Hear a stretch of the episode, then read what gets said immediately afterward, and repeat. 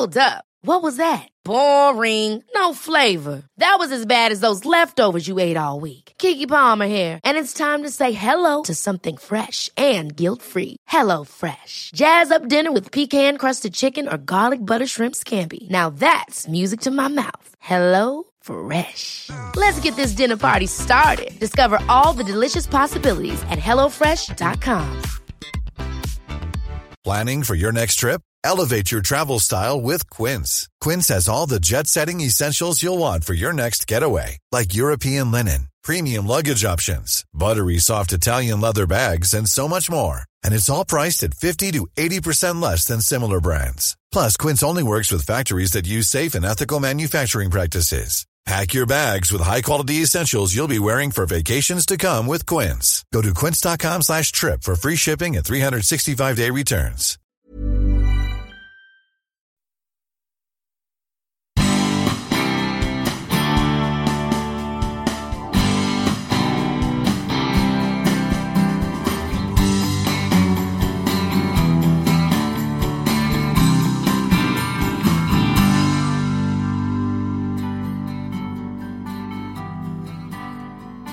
Ja, min pappa ville sitta i fängelse istället för mig. Men jag sa nej pappa, du har sex barn att försörja. De kommer att mörda mig ändå. Jag måste bli peshmerga. Och det är min dröm också, till frihet. Och eh, man hade inte en plan för dem. Man trodde att de kommer att bygga samhället och sen kommer de att man äter bananen och bananskalet slänger man. Då trodde man då. Hur kan svenska politiker sitta hemma i sina egna liksom kök, vid köksbordet och sätter på slöja och så säger de att vi är feminister. Vad fan, vad är det feminism i niqab och hijab och allt det här? Vad är det i den? Saudiarabien får bygga moské, Qatar får bygga moské, Iran bygger moské och skolor, eh, eh, Turkiet gör det, Iran bygger också nu moskéer. Och det är ju de bedriver politik från de här staterna som är fundamentalistiska islamister. Sverige tillåter de här att bygga. Jag vill förbjuda inflytande från de här länderna. Efter den här intervjun vågar jag lugnt säga att Amineh Kakabaveh är en av Sveriges färgstarkaste politiker. Hon är också en av de mest tillgängliga. Till skillnad från de flesta riksdagspolitiker så svarar hon på mail och ställer dessutom villigt upp i podden Trots att riksdagen precis har öppnat när intervjun görs och hon direkt ska vidare till en allvarligt sjuk vän. Amine säger vad många inte ens vågar knysta om. Och man förstår att hon har retat upp ledningen i Vänsterpartiet. Det parti hon tillhörde innan hon sa upp sitt medlemskap och blev politisk vilde. Eller oberoende socialistisk riksdagsledamot som hon föredrar att kalla sig. Det finns nog ingen som har så bra koll på islamistisk extremism och hederskultur och hennes sätt att argumentera i dessa frågor ger nog de flesta en och annan tankeställare. Eller vatten på sin kvarn, om du så vill. Man hinner tyvärr inte så långt på knappt en timme och det finns anledning att be Amina att komma tillbaka en annan gång. Eftersom jag har mina rötter så långt man kan komma från marxismen så hade jag gärna utmanat henne i en ideologisk diskussion. Men som sagt, det tar vi nästa gång. Här kommer Amine Kakabaveh.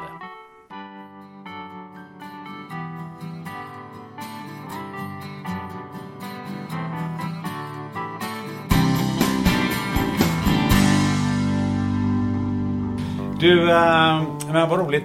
Jag tänkte på det när du kom till Sverige så äh, har jag hört någonstans att du läste Astrid Lindgren för att lära dig svenska. Stämmer det? Ja, ja det har jag gjort. Både, både hennes böcker och eh, Selma Lagerlöfs.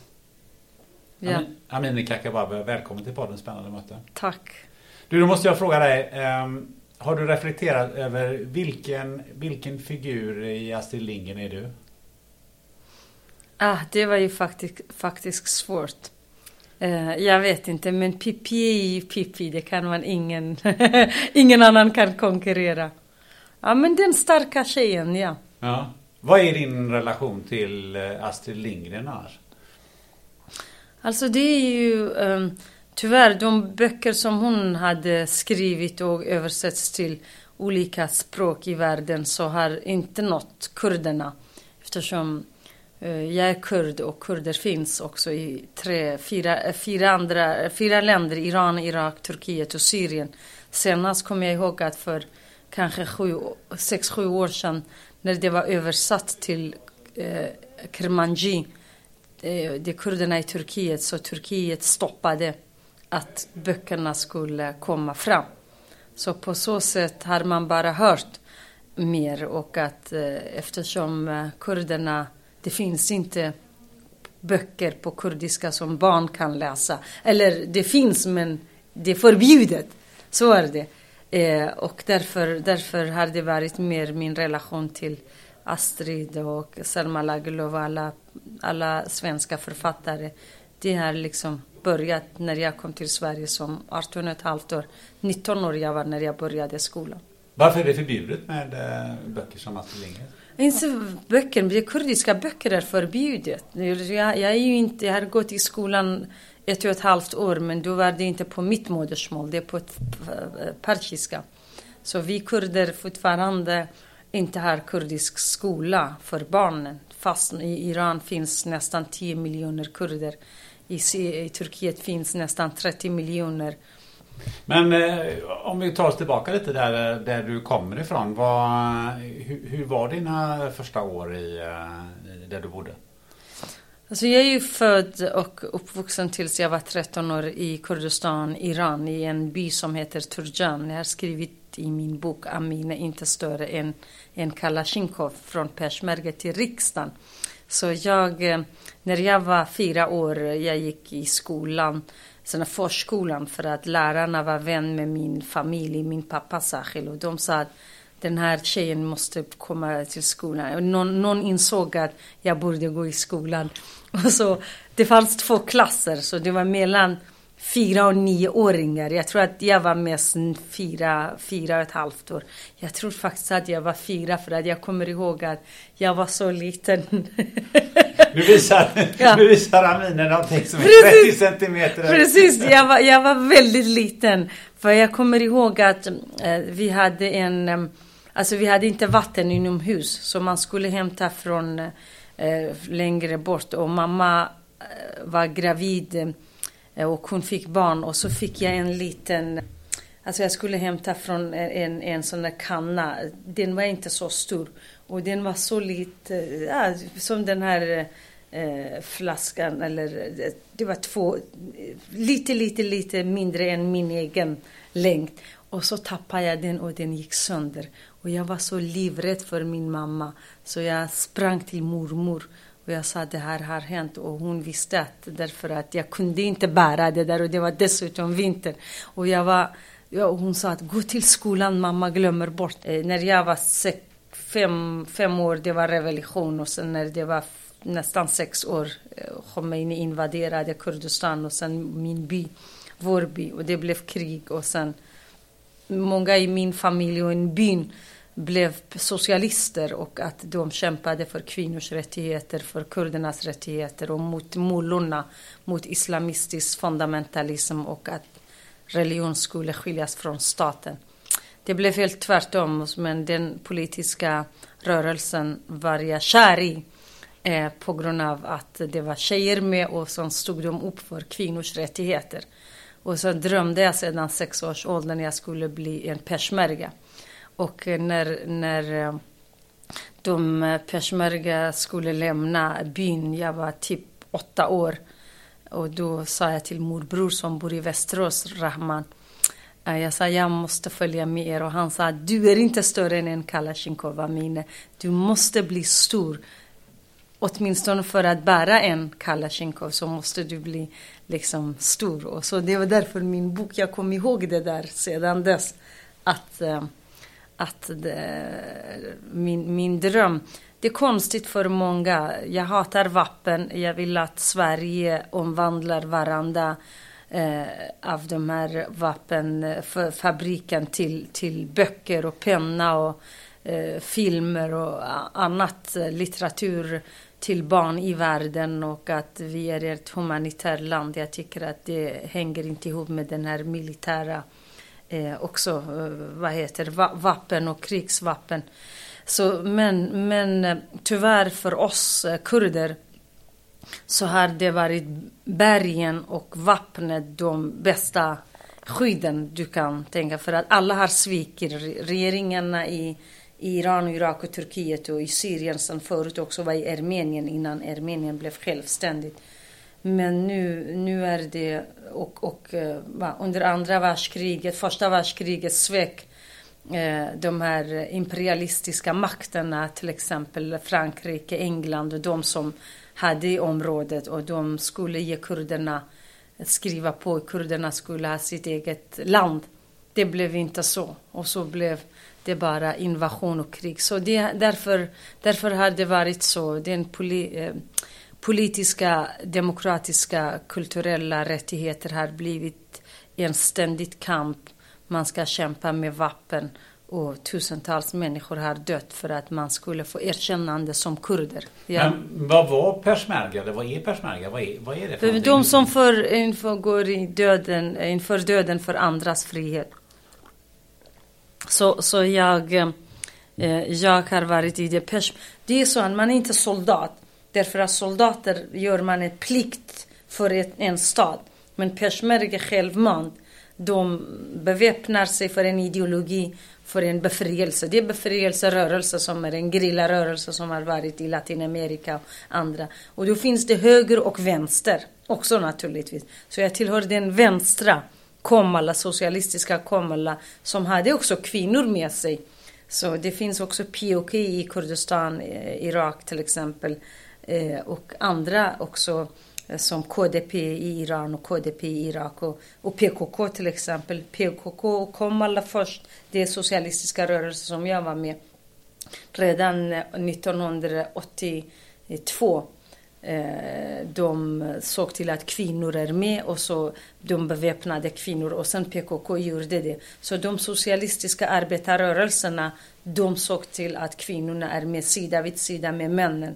Både i krig och, men också i fred.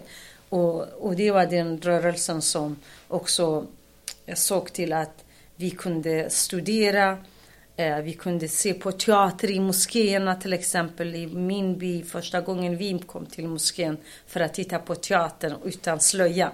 Det var när, när den här peshmerga-rörelsen var där. Och det är befrielserörelser. och när de, det fanns inte en, en stat. Det finns i många länder finns det stater men det finns inte socialt arbete, det finns inte ett polis, rättssystem som stödjer kvinnorna. Men när peshmerga kom, kom alla, då Ingen vågade gifta bort sina barn, flickor till exempel. Ingen vågade slå sina fruar eller döda sina fruar eller kriga mot en annan klan eller granne eller så. För att de såg till att det skulle bli fred mellan människor. Men varför, varför skiljer de sig så mycket från, från eh, just i det, när det gäller det här? För att eh, det är som du säger, det finns ju många andra eh, där, där man har hederskultur och hedersvåld och, och, och alla de här sakerna men, men det var en annan syn man hade tydligen då i Persmerga. Hur kommer det sig? Ja, ja, därför att det var ju liksom i min egen familj vi hade morbror eh, som blev peshmerga-kusiner, bror, storebror. Men också min egen pappa till exempel, det var ju familj till familj. På den tiden också ska jag säga, när jag var fyra, fem år tills jag var sex år det var mycket modernare. Alltså Iran blev det så med Khomeini kom till makten. Och Kurdistan, de har inte kunnat styra Kurdistan. Så det finns inte någon som jag känner på Facebook och i, på Instagram i Iran som har slöja. De bär inte slöja. De skiter fullständigt i, i sharia och, och det. Så länge de är i det privata, men i det offentliga måste de göra det. Men kurderna det finns där till exempel familjer. I min familj så på senare år kanske någon kusin har blivit religiös fundamentalist. Annars, alla är sekulära muslimer. Min egen pappa, han, han skojade oftast. Amine, jag betalar dig om du kan, eh, vad heter eh, fasta istället för honom.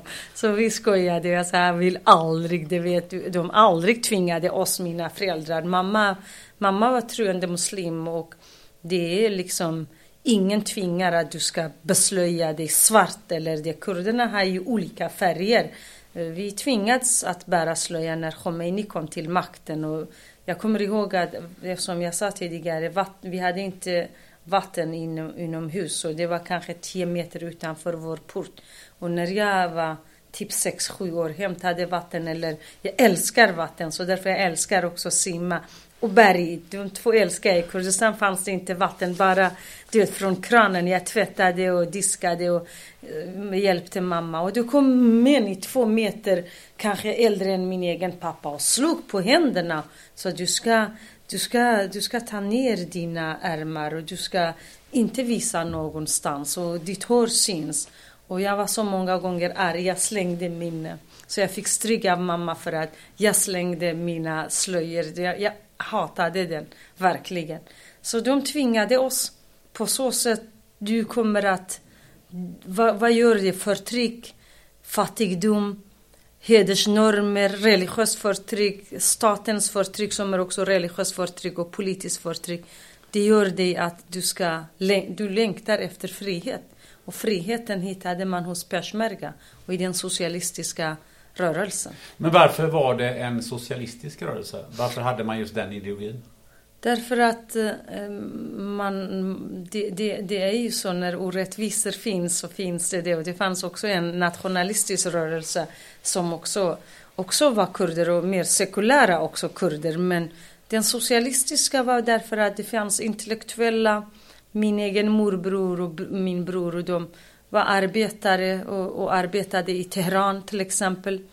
Eh, det fanns inte arbete i byarna. Så de jobbade, mina morbröder och min egen bror och pappa också jobbade i andra delar av, av landet och ibland i Irak. Man blir inspirerad av andra. I min by eh, det fanns många intellektuella som alla blev socialister, nästan alla, väldigt få blev kurdnationalist, nästan alla blev socialister, alla män också blev förebilder för kvinnor. Men för att tala om, om eh, Kalashnikov. Eh, lärde du dig att plocka isär och sätta ihop en, ja. Kalashnikov? Kan du det fortfarande?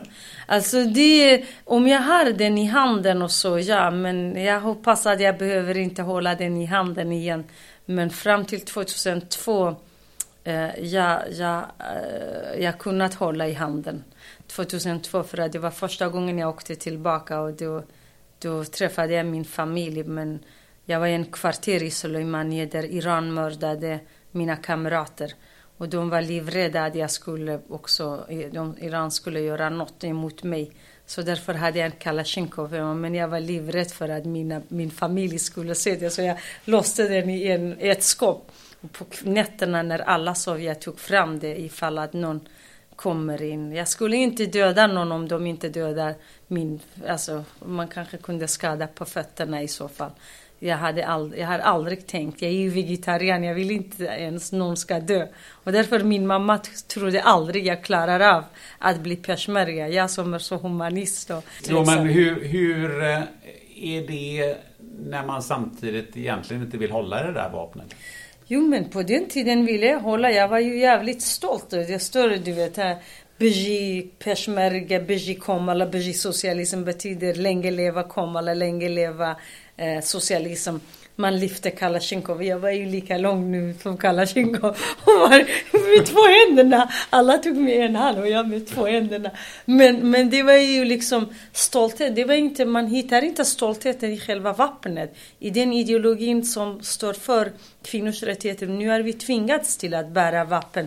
Den rörelse. Idag Iran vill bomba kurderna och de har ju deklarerat att de oppositionella och den socialistiska rörelsen som jag har varit med om, de har ju deklarerat vi vill inte nu göra något beväpnat motstånd. Det har vi inte gjort också på senaste tio åren. På grund av att man vet att det går inte med Kalashnikov. Det är därför den här socialistiska idén är att folk ska kunna tänka, läsa. Det ska bli en folklig rörelse, inte beväpnad kamp. Eh, Regimerna i områden har tvingat kurderna att ta till vapen. För att när jag var 13 år, de ville avrätta mig. Förstår du? Tänk om du själv är i Sverige, i den svenska demokratin. Någon vill avrätta din dotter. Du gör allt, till och med som far, eller hur? Ja, min pappa ville sitta i fängelse istället för mig. Men jag sa nej pappa, du har sex barn att försörja. De kommer att mörda mig ändå. Jag måste bli peshmerga. Och det är min dröm också, till frihet. Men insåg du att eh, den här kalasjnikoven, den kan jag behöva använda imorgon? Jo, jo, den, den är ju därför jag gick ju i tre månader både politiskt men också en hel del i, i den här militär träning. Såklart, jag var livvakt för vår ledare i mer än ett, ett år. Men har du använt den eh, i skarpt? Inte i krig, inte i krig. vi har hamnat några gånger, jag har varit med och vi har hamnat i bakhåll. Mest eh, Eh, med helikopter och så, de har, eh, men, men också i bakhåll. Men då, då har det varit liksom under natten och då, då var det inte heller meningen att man ska skjuta för att du ser ju ingenting. Och mina kamrater sköt i sån här luft för att eh, visst, de skrämma liksom. Men jag har tack och jag är ju en mindreåring. I den socialistiska rörelsen fanns en, den ideologin att man vill inte ha någon under 18 år. Men problemet där var att under Iran och Irakkriget, Iran tog alla från 11 års ålder uppåt killar. Och många ville inte dö i ett krig, men då kom de att bli peshmerga. Men bland tjejer också, många flydde på grund av barnäktenskap eh, och, och, och eh, bytesäktenskap. För att det finns till exempel att du är kär i min bror och min familj också kräver att din syster ska gifta sig med min bror. Så är det, det blir sådana ombytes, liksom, där många flydde på grund av det. Men jag eh, flydde på grund av att eh, Iran, eh, Iran ville mörda mig. Så jag var i husarrest i min egen familj och de ville att jag skulle hämtas när pappa kom tillbaka. Min pappa var djurförsäljare. Han var inte så ofta hemma. Och sen eh, jag jobbade inom eh, sån här det var stora, stora god, godsägare. Vi var väldigt fattiga i min familj. Så vi, vi hade inte, jag hjälpte till med mina bröder till försörjningen av familjen. Både mina bröder och jag. Och sen efter oss också, resten har hjälpt familjen att försörja sig. Och då jobbade jag ute på gårdar, fruktgårdar. Och där jag kom i kontakt med, med likasinnade socialistiska unga och då bestämde jag mig för att jag ska fly, bli peshmerga så fort som möjligt. Och så eh, regimen tog reda på det. Eh, egentligen, de såg ingenting men, men någon av de här killarna på grund av rädda sitt eget liv, han var också ung. Och så berättade han att jag var en av dem som drev. Fast jag var yngst av alla. Och mina föräldrar trodde att det var allas fel, inte Amin. Det är oftast föräldrar tror att ens mm. egen unga har ingen kapacitet. Och då, 2002 när jag bröt, när jag första gången träffade min pappa, jag sa att det var ingen annan, det var jag som låg bakom allt. Ni såg inte det, hur, hur stark vilja jag hade att för befrielse, för kvinnors rättigheter, för min egen. Jag krigade hemma. Du vet, är du i hederskulturen så oavsett om du är religiös eller inte, hederskulturen har inte med islam att göra. Men alla religioner förstärker det. I min egen familj insåg jag. Jag var ju en liten flicka, vi jobbade alla men jag borde tvätta och diska och det medan mina bröder som var nästan lika gammal för att han var, jag var nio månader när, när mamma blev liksom, ja, ja, vi har skil, mamma, under elva månader mamma födde två barn helt enkelt. Och så vi var väldigt lika och då var jag den som gjorde allt hemma men också ute och försörjde lika på lika villkor. Men du är ju en flicka i hederskulturen. Du ska ha kontroll, bröderna ska kontrollera dig, mamma ska kontrollera dig, du ska inte komma sent hem, du ska bete dig på ett visst sätt, du ska liksom familjens heder du ska upprätthålla. Och så ska du samtidigt också jobba och tjäna pengar och vara med killar för att tjejer jobbar inte ute. Men min pappa var stolt över att jag skulle jobba ute, alltså i åkrarna och, och tjäna egna pengar. Oftast fick vi inte pengar, vi fick bara jag kommer ihåg att jag jobbade i två veckor. Vi fick 16 kilo eh, aprikoser. Mamma, mamma eh, torkade dem. Eller så jag och mina bröder vi jobbade i okrarna i kanske två veckor. Vi fick vete och kikärtor. Hej, jag Ryan Reynolds. På Mint Mobile, we like to do the opposite of what Big Wireless does. They charge you a lot, we charge you a little. So naturally, when they announced they'd be raising their prices due to inflation, we decided to deflate our prices due to not hating you. That's right. We're cutting the price of Mint Unlimited from $30 a month to just $15 a month. Give it a try at mintmobile.com slash switch. $45 upfront for three months plus taxes and fees. Promo rate for new customers for limited time. Unlimited more than 40 gigabytes per month. Slows. Full terms at mintmobile.com. There's never been a faster or easier way to start your weight loss journey than with PlushCare.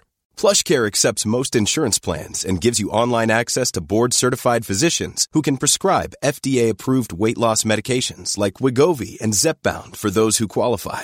Take charge of your health and speak with a board-certified physician about a weight loss plan that's right for you. Get started today at plushcare.com slash weight loss. That's plushcare.com slash weight loss. plushcare.com slash weight loss.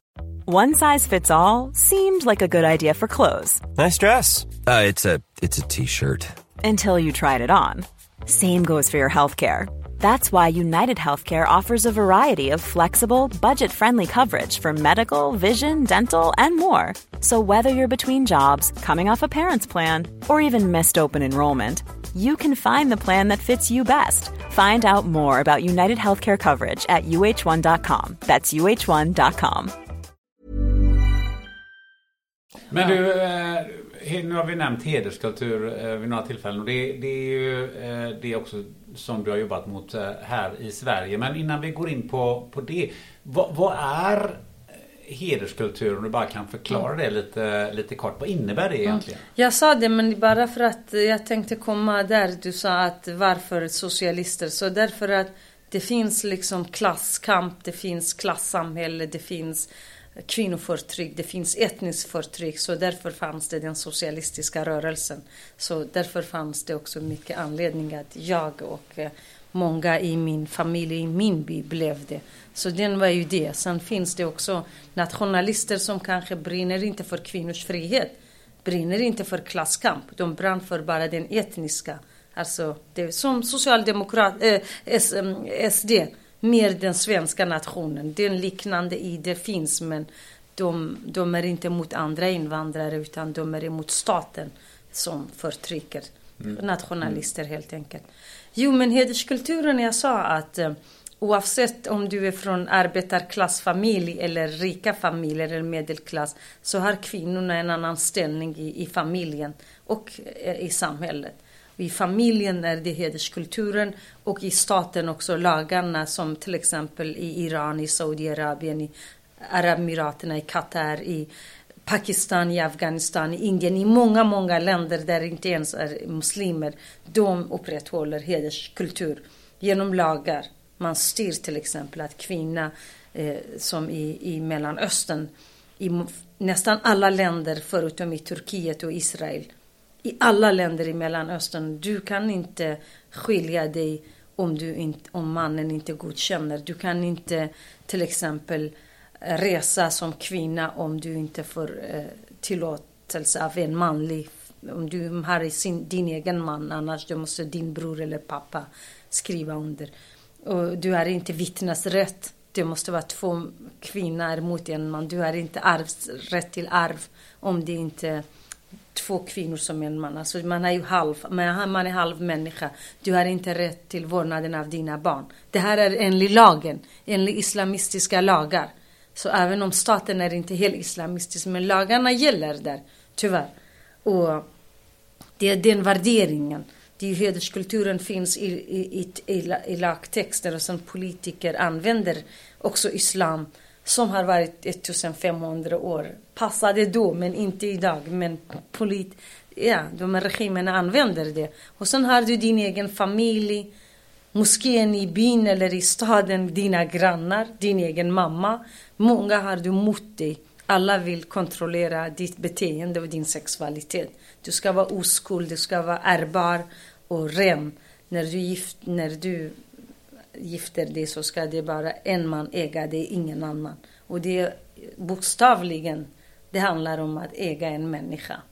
Och du är ägd av din familj först och sen en annan man äger dig. Det, det, den här med äganderätten, det är ett faktum där det gäller hederskulturen att kvinnans kropp och sexualitet och hennes hela liv ägs av familjen och sen mannen och då blir det liksom mannens familj också kommer in i bilden. Så det är väldigt komplicerat. Är man, tillhör man en klan, det är ännu mer farbröder och kusiner involverade. Och att man också helst gifta bort den eh, till en kusin. Därför att man har mer kontroll av eh, ekonomi och, och också av varandra och att man äger samma efternamn. Och, men eh, vad jag förstår så, så, kan det ju gå så långt att man till och med, och det är ju bevisligen så eh, även här hänt i Sverige, att man, att man dödar sin egen dotter eller till och med sin egen eh, son. Ja. Det, det hur, hur kan det gå så långt? Ja, det är faktiskt en bra fråga. Jag har också själv tänkt på hur kan, hur kan kvinnorna särskilt att vara med i planeringen där de, det är ju en del av dem. Barnet är ju en del av en själv eller en syskon eller en pappa ens vågar döda det. Men det är ju så i den, det är ju plan, välplanerat. De, oftast hedersmord är planerade av familjen och här i Sverige och i, i väst man tvingar till den yngsta eh, barnet i familjen för att eh, göra det eftersom det är inte så högt straff för, för mindreåringar. I Sverige har vi säkerligen en halv miljon kvinn, unga kvinnor och äldre kvinnor som är, som är utsatta och, och mörkertalet är ändå större. Senast var ju för kanske sex år sedan det var i Astrid Schlitters undersökning, det var nästan en kvarts miljon barn och unga vuxna var utsatta. Jag möter väldigt många i mitt arbete i varken hora eller kuvad. Vi möter ofta skolor, skolpersonal. Mycket oro kring Många barn försvinner till exempel. Många barn anmäls för barnäktenskap, tvångsäktenskap. Och, och allt det här handlar om könsstympning. Det, det är hederskultur som lever kvar. Och man har kommit till segregerade områden eller också inne i stan för att det inte bara segregerade områdena förstärker men det innebär inte bara folk i segregerade områden har hederskultur. De segregerade områdena där det finns moralpoliser, religiös fundamentalism och mycket också makt och kontroll över flickorna, flickornas sexualitet och vardag. Men det finns många familjer också som är indisk bakgrund eller kurdisk, eller arabisk, turkisk, eh, libanesisk, till och med. Man kan också faktiskt vara romer och judar och kristna ortodox som, som har hederskultur. Kanske inte på samma sätt jättehårt men man vill att man ska vara oskuld. Man vill att hon inte ska ha pojkvänner där rykten går och sen hinduer till exempel sikhe de är inte ens muslimer. De har det här problemet. Så i många länder i världen finns könsstympning finns i 33 länder. Varför könsstympar man flickor till exempel i många delar av Afrika och i Asien, i Nordafrika? Det är på grund av att hon ska inte, ingen ska ha tillträde till hennes kropp.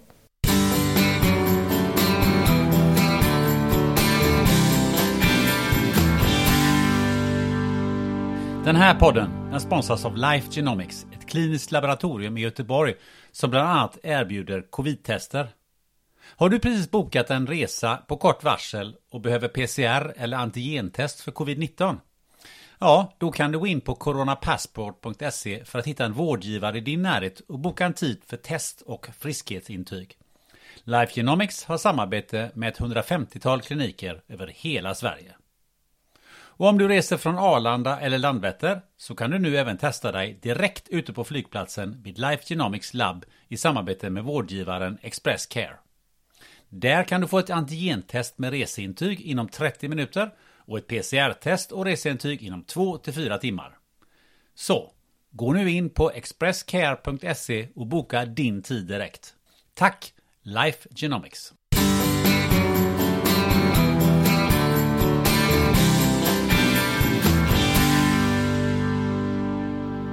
Då undrar jag, då, då kommer ju de här människorna till Sverige som, är ett, som har en helt annan tradition och en helt annan bakgrund.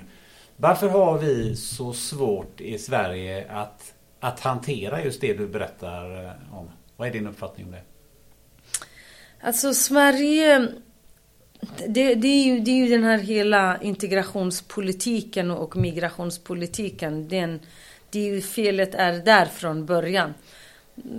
På hur då? Det, det, är liksom under 60, 50, 60-talet så kom det arbetsinvandring. Sverige behövde massa med italienare, eh, greker och, och turkar kom. Och eh, man hade inte en plan för dem. Man trodde att de kommer att bygga samhället och sen kommer de att man äter bananen och bananskalet slänger man. Då trodde man då. Eh, och, och, så, och så de fick familj, de fick barn. Det gick jättebra för många. Även om jag träffar fortfarande kvinnor som har bott här i 40 år, 45 år. De är fortfarande analfabeter. De födde barn, de blev bortgifta, ingen brydde sig om. Hederskulturen fanns. Jag, jag möter dem och deras barn.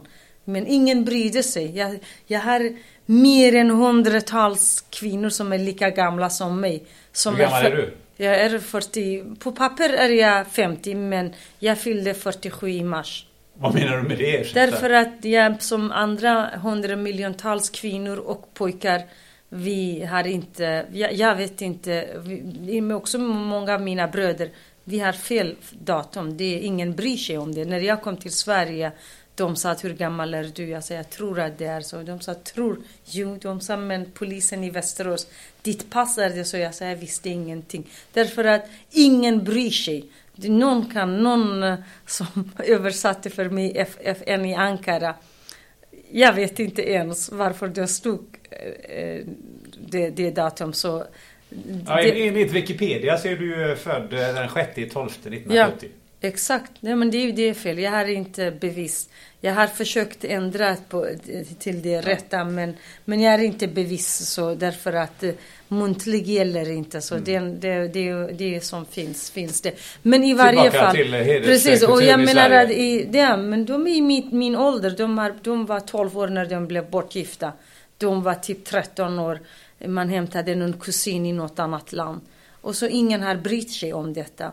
Och så det har pågått och sen plötsligt kom det Balkankriget och sen kom det Iran och Irakkriget och sen kom det massor med du vet eh, massiv eh, politisk flyktingar och Chile och allt det här. Och fortfarande var det fint därför att de som kommer som socialistiska, det är inte de som har mycket hedersförtryck, vare sig från Balkan eller från Mellanöstern eller från Chile för att jag hade ju många chilen, chilenare som var kompisar och vänner på komvux. Jag umgås fortfarande.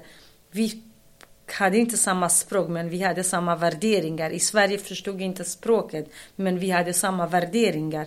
För att den socialistiska värderingar om människans lika värde och rättigheter och ta ansvar.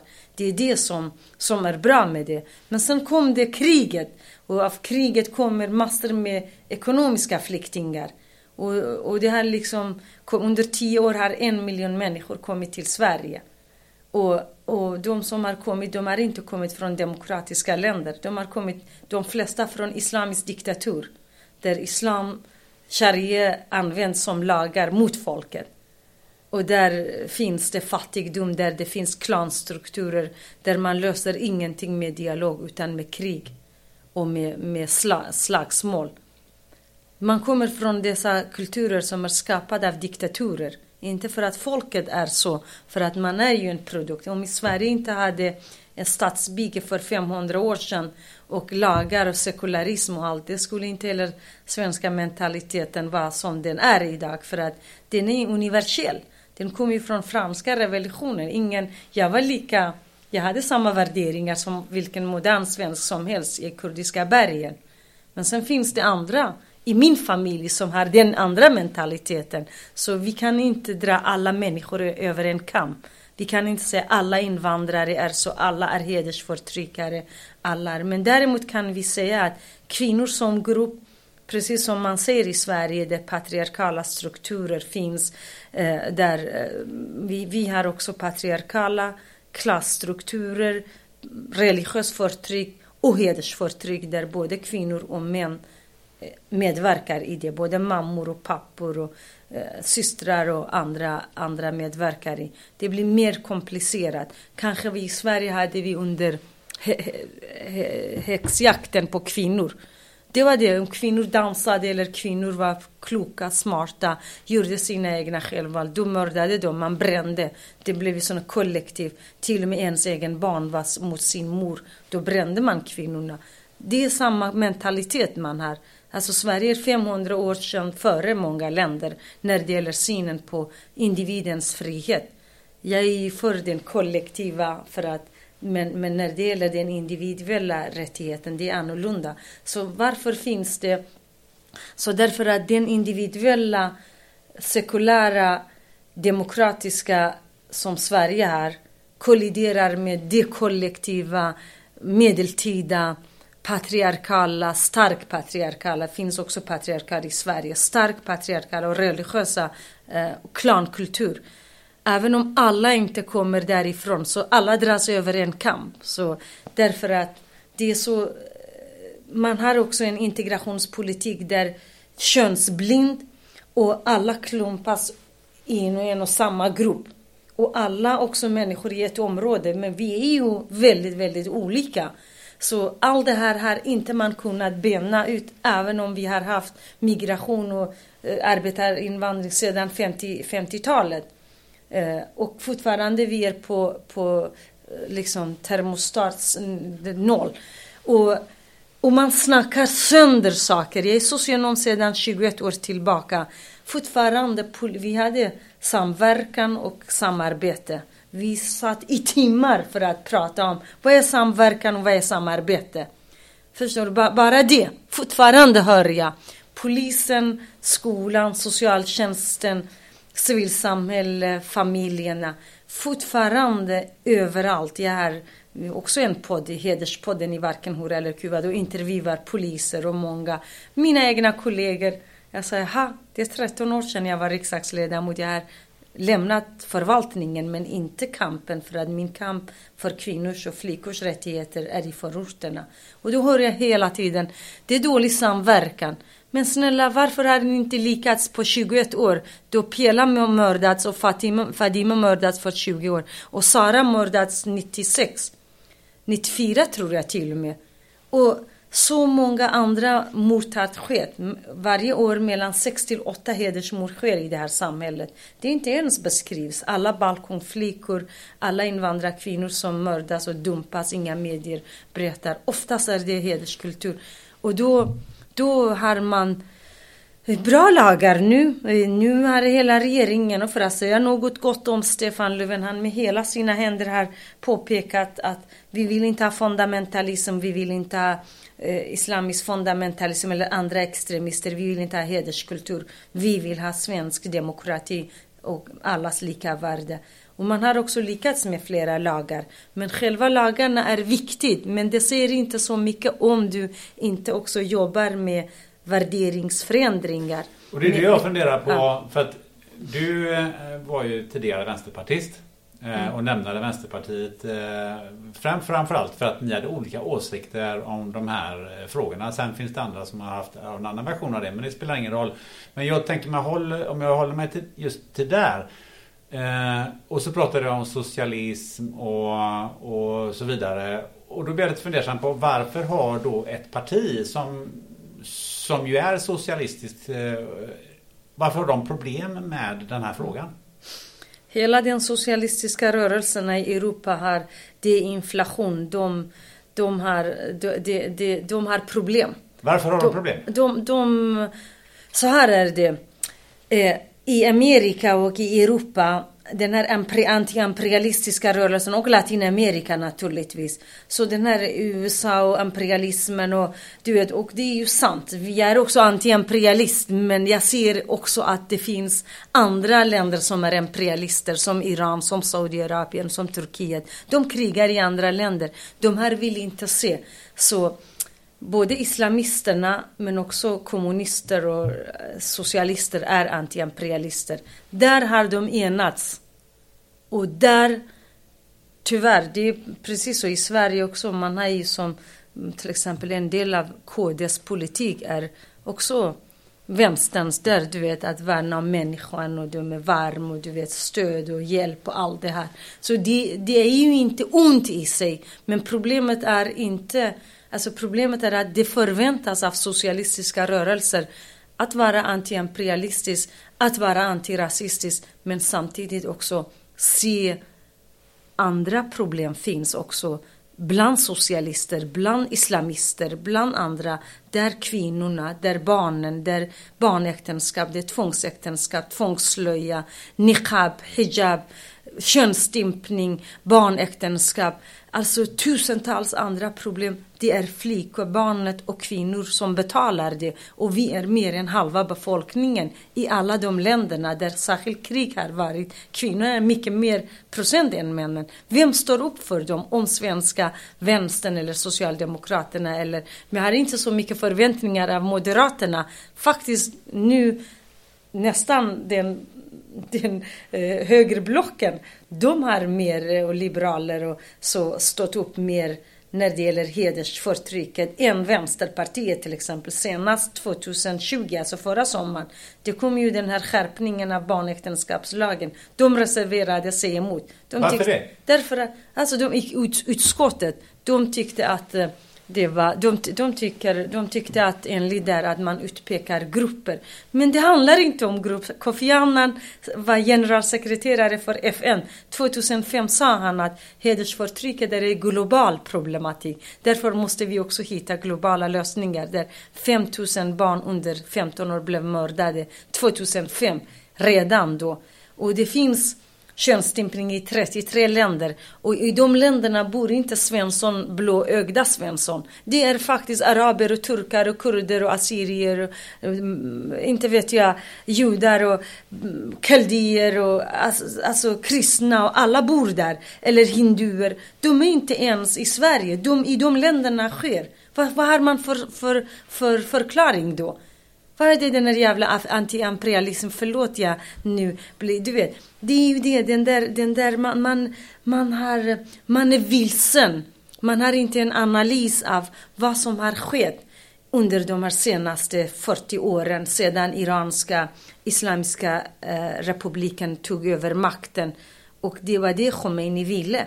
Hela världen skulle tänka som han. Och det blir, nu kom Daesh Eh, det kom, Iran har involverat i, i, i fundamentalistiska grupper i Irak, eh, i, i eh, Gaza, i Houthi-rebellerna och det är Hamas i, i Libanon och, och Turkiet också kör ända i Libyen till Balkan. Och så håller de på att konkurrera den, eh, och, och, och Qatar och Saudiarabien som är fundamentalistiska sharia-lagar gäller som Iran. Och de också hjälper de här Daesh-grupperna och, och Al-Qaida och, och, och det här. Och alla är ju emot kvinnors rättigheter. Och de här är absolut inte några anti-imperialistiska rörelser. De är själva imperialister. Och då har man ingen analys av det. Och så lyssnar man inte heller på radikala feminister som jag som men, oss. Men, och de lyssnar på konservativa män. Titta, Mehmet Kaplan hade Miljöpartiet. Eh, vad heter Khani hade de. Umar Mustafa hade Socialdemokraterna. Inom vänster finns det också massor med alias parti och de, även om de är inte fundamentalister. Men de försvarar fundamentalister. Problemet är det. Och, och, och, och Moderaterna hade Wahhabiri och Center hade också. Det finns inte något parti som är helt ren mjöl i sin påse. Så det här har grundat sig någonstans. Nu har de vaknat förutom vänster och, eh, och några till tyvärr. Där fortfarande man, man kan inte ha olika bollar. Ja, man kan vara god socialist, anti-imperialist, antirasist. Men du ska också stå upp för kvinnors rättigheter. För de är homosexuella. Homosexualitet i många länder, det är totalt förbjudet. Det, det, att vara homosexuell, det är med döden. I hederskulturen, det är värre. De flesta är ju HBT-aktivister i Sverige. Om de lämnar Sverige och åker till de länderna vet de att de är homosexuella. De skakar inte ens hand med varandra. Alltså hur, mm, hur kan man acceptera det? Hur kan svenska politiker sitta hemma i sina egna liksom kök, vid köksbordet och sätter på slöja och så säger de att vi är feminister. Vad fan, vad är det feminism i niqab och hijab och allt det här? Vad är det i den? Kan, de, kan alla de här så kallade feminister tala om för oss kvinnor i Kurdistan, i Iran, i Turkiet, i eh, många arabiska länder där man har kämpat emot muslimska kvinnor och män kämpar emot hijab eh, obligatorisk hijab. Vad är det i det? Så vänster är vilsen. De har ingen analys efter andra världskriget Eh, en, efter, efter eh, 80-talet, mm, varken i Sverige eller i många andra, andra nordiska länder, men också i USA. Och allt är antirasism. Du är den bästa när du... Vi är antirasister. Ingen har, ingen har varit så utsatt för rasism som kurderna och vi andra i Mellanöstern. Där vi, jag sa i början, fortfarande mina syskon får inte gå i, eller syskons barn i skolan och läsa, läsa kurdiska, de ska läsa farsi. Vad är det om det inte är total etnisk diskriminering? De, vi vet vad rasism är. Vi behöver inte, de behöver inte lära oss. Jag bor i ett område i 21 år där är det total eh, eh, eftersatt. Jag letar efter en lägenhet, jag kan inte för att du måste vara väldigt rik för att kunna hitta en, en hyreslägenhet i stan. Så den, den vet jag, den vet vi. Vi är inte vilsna. Men det är lite, för det är lite märkligt. Man, man, man kallar dig för islamofob som kommer från den delen av världen. Det, det är bara Vänsterpartiet, vissa i Vänsterpartiets ledning har kallat mig. De människor som jag jobbar med varje dag är i skolan. Jag är förebild för tusentals unga flickor och pojkar från olika delar av världen. Jag möter dem alltifrån 11 år till till 80 år. Ja, de kramar mig, de tar selfie. Det är några eh, avundsjuka, vilsna eh, vänsterpartister eh, på ledningsnivå, inte medlemmarna för att jag, jag var ju vald i Stockholm. Jag fick ju ändå mer röster i Stockholm med en nuvarande Vänsterpartiets ledare och vice partiledare. Jag har för mer personröster än dem. Det innebär att det finns någonting i det. Så det, det, är inte, man ska inte smutsa hela rörelsen men det är en styrande Eh, liksom. men, men, det är ju så att eh, det är ju fler kvinnor som inte är i Vänsterpartiet som, som också har fått utstå på, med ganska mycket kritik. Som till exempel ja, ja. Socialdemokraterna. Alltså, jag tänker på eh, Ann-Sofie Hermansson mm, ja, ja. Eh, eller ja, även Mona Sahlin. Och, och, det, men det är ju bara kvinnor som har eh, fått stå, utstå för, av den kritiken. Det är ju aldrig några män som som man kritiserar för... Eh, Nej men därför att det finns manskonservativism. I de partierna finns inte radikala män. Det är ju de där som kommunvalet, landstingsvalet och riksdagsvalet. De måste alliera sig med de här konservativa för att få röster. Och såklart att de går inte emot det. Och vi andra går emot det. Så får vi betala priset. Så är det.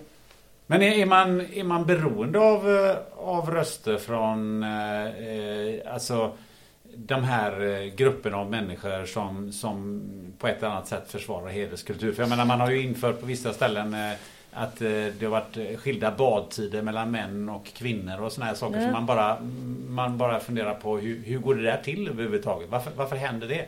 Ja, men det könsapartheid gäller i många skolor och flickebarn i många religiösa skolor och på SFI. Vi har varit med om att sagt emot det där man drar draperi för, för, för kvinnorna och männen här i offentlig sekt, inom offentliga rummet. Så det finns olika katastrofala som muslimska kvinnor i Turkiet, i Iran, i eh, Tunisien, i många länder, de bara är förvånade över, till och med många starka feminister kommer från Jemen. När de ser, jag har många vänner som har flytt nu och de tycker, säger att Amine, you are politician. What is that? Jag säger att fråga inte mig, jag kämpar. Fråga de här svenskarna som lyssnar på de här konservativa männen. Men många säger ju liksom det att ja men låt dem ha sin egen kultur. Det handlar om kultur, eh, religionsfrihet nej, och så vidare. Man är så, man, nej, man är det är inte vår kultur. Vi har kommit från kulturer, de flesta det kommer konservativism, det kommer rika religiösa konservativism. Det har gynnat dem i sina e-, egna hemländer och det gynnar ännu mer här i Sverige för att ingen kontrollerar dem. Vanliga hedriga muslimer och människor, de är inte det. Det finns en, nästan två miljarder muslimer. Det kanske finns 200 000 fundamentalister och de flesta är i Sverige, tyvärr. De som är på flykt. De har kommit, de får Saudiarabien får bygga moské, Qatar får bygga moské, Iran bygger moské och skolor, eh, eh, Turkiet gör det, Iran bygger också nu moskéer. Och det är ju, de bedriver politik från de här staterna som är fundamentalistiska islamister. Sverige tillåter de här att bygga. Jag vill förbjuda inflytande från de här länderna. Behöver vi bygga moskéer? Varsågod, staten kan göra det. Behöver vi imamer? Varsågod, det finns universitet. De får, de får ha utbildning i Sverige enligt svenska lagar och svensk läroplan. Inte enligt Saudiarabien, och Iran och Turkiet. Jag vill ha sådana. Det muslimerna förtjänar. Godare, liksom, de är också, många muslimer är totalt, de också diskrimineras. Och det finns också vuxna kvinnor som Eh, som dras eh, eh, eh, eh, en slö, slöja. Det har hänt. Och då ska vi vara emot de här rasistiska vardagsrasismen som finns i, i vår vardag. Det ska vi vara emot. Men samtidigt vi ska också vara stenhård mot islamistiska fundamentalistiska länder och de här Daesh. Vi är ju mer Daesh i något annat land. Och vi välkomnar kvinnorna också. Och vad, vad kommer de här göra? Varför, varför ska vi ha niqabister? Det, det, finns mer i vissa områden än något annat land. Jag kommer ihåg att mina vänner för tre, fyra år sedan när de kom så besökte vi vid Rinkeby, Tensta och de sa att men här är det mer niqab och hijab än i Turkiet. Det är sant. I vissa delar av Turkiet eller i, i Iran finns kanske slöja inte sådan. Så det säger väldigt mycket. De här är inte vanliga muslimer, de är fundamentalister. Och det, det ska vi minska deras makt och inflytande. Och de som företräder dem, de ska inte ha plats i de här politiska partierna. Men tyvärr har de. Därför att det är röster, fiskröster man. Man behöver inte Amins smarthet i sin politik eller någon annan. De behöver rösterna. Annars varför lyssnar de inte på oss invandrarkvinnor? Jag har sagt i 20 år. Vänsterpartiet har aldrig velat lyssna på ledningsnivå. Aldrig. Därför, när jag kom in i riksdagen 2008 Ja, då var jag, då var jag eh, vad heter, ersättare för Parina Zetterius. Då fick jag ersättningsplatser. Sen 2010 med armbågarna fick jag i bostadspolitiken. Då fick jag ingen stöd. Absolut ingen stöd. De ville att jag skulle misslyckas totalt. Och 2014, fast jag var efter Jonas Sjöstedt tredje i listan, jag fick inte ett enda utskott. För att jag bedrev hedersfrågorna. Jag pratar det som jag har gjort i Kurdistan, i Iran, i Turkiet, i Irak jag har bott. Och där kunde jag säga de här sakerna. Skillnaden var att där de dömde mig till döden i Iran och här de frös, frös ut mig och så går man med smutskastningen i Jonas Sjöstedts bok till exempel. Man pratar inte om kärnan i problematiken. Det handlar om politik. Det handlar om socialism, handlar inte bara om goda ord. Du måste också i handling. I hand, kommer vi tillbaka till varför socialism. Varför man idag behöver man inte i Sverige vara socialist för att stå upp för allas lika värde. Det säger alla partier nu. Man står ju bakom våra grundlagar. Men det räcker inte om du låter hundratusentals barn och unga varje dag diskrimineras i sina förorter, i religiösa skolor i kriminalitet varje dag. De här barnen, varför, varför har de inte en framtid? Därför att de är inte goda förebilder. Det finns politiker i alla partier i förorterna också, eller hur? De politikerna, vad gör de? Vad gör man för de här människorna också? Oftast tyvärr, de flesta gör väldigt bra, men de flesta är också, de vill ha deras röster och sen skiter man i. Du måste göra någonting för de här för att det är våra vår framtid är barn och ungdomarna. Vi kan inte bara gå på den här integrationspolitik som har varit. Det är total segregeringspolitik. Jag har sedan åtta år tillbaka skrivit in motioner om att man skulle ha demokratiminister i Sverige. Man ska inte ha integrationsminister, man ska ha demokratiminister. För att demokratin ska gälla alla.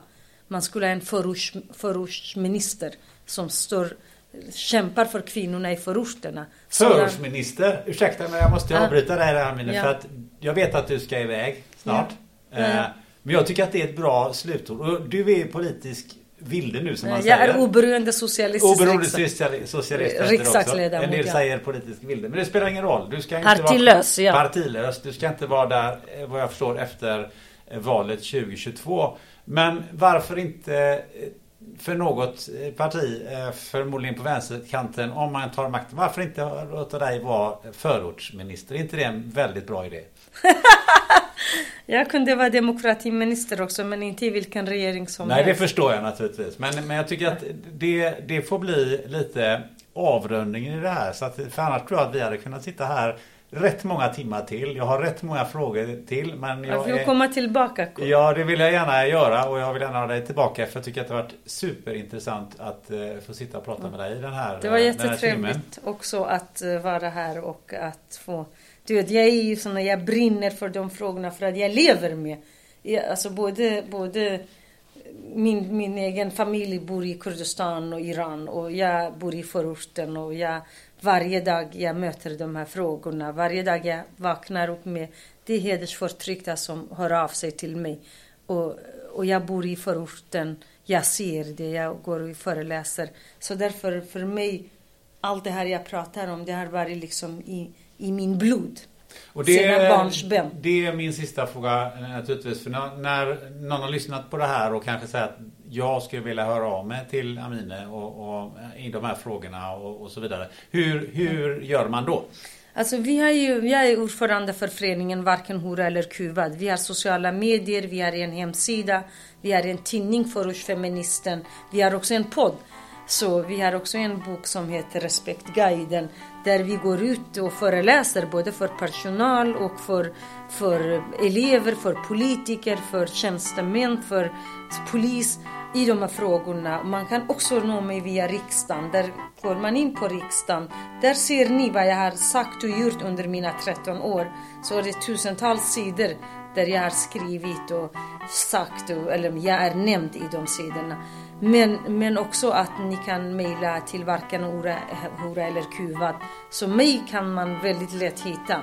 Men via sociala medier är det svårt. Om man inte är vän med någon, det går inte att se allt. Och sen är det inte heller alltid lätt för mig att i sociala medier läsa allt. Men via mail eller varken hora eller kuvad eller riksdagsmejlet man kan nå mig såklart. Perfekt och jag måste säga det, det jag sa till dig jag tror innan vi började nämligen det att du är en av de mer, eller mest tillgängliga politikerna i det här landet vilket jag tackar dig jättemycket för och ett stort tack Amineh Kakabaveh att du vill vara med i den här podden. Tack så hemskt mycket. Du har lyssnat till avsnitt 105 av podden Spännande möten med Amineh Kakabaveh. Vill du lyssna till en annan färgstark politiker, ja, då kan jag rekommendera avsnitt 87 med Mona Salin. Eller varför inte dyka ner i frågan om hederskultur. Ratta i så fall in avsnitt 56 med Sara Mohammad.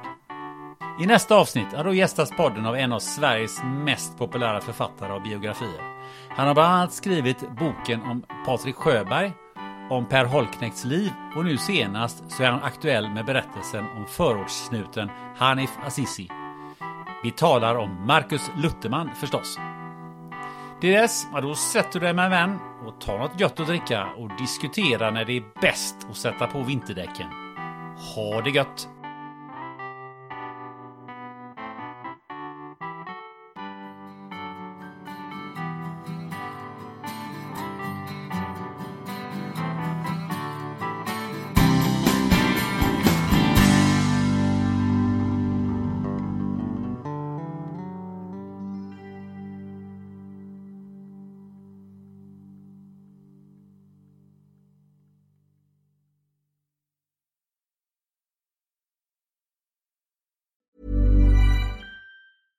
Hey, it's Paige DeSorbo from Giggly Squad. High quality fashion without the price tag. Say hello to Quince. I'm snagging high-end essentials like cozy cashmere sweaters, sleek leather jackets, fine jewelry, and so much more. With Quince being 50 to 80% less than similar brands. And they partner with factories that prioritize safe, ethical, and responsible manufacturing. I love that. Luxury quality within reach. Go to quince.com slash style to get free shipping and 365 day returns on your next order. Quince.com slash style. Hey, it's Paige DeSorbo from Giggly Squad. High quality fashion without the price tag. Say hello to Quince. I'm snagging high-end essentials like cozy cashmere sweaters, sleek leather jackets, fine jewelry, and so much more. With Quince being 50 to 80% less than similar brands. And they partner with factories that prioritize safe, ethical, and responsible manufacturing. I love that. Luxury quality within reach. Go to quince.com slash style to get free shipping and 365 day returns on your next order. Quince.com slash style.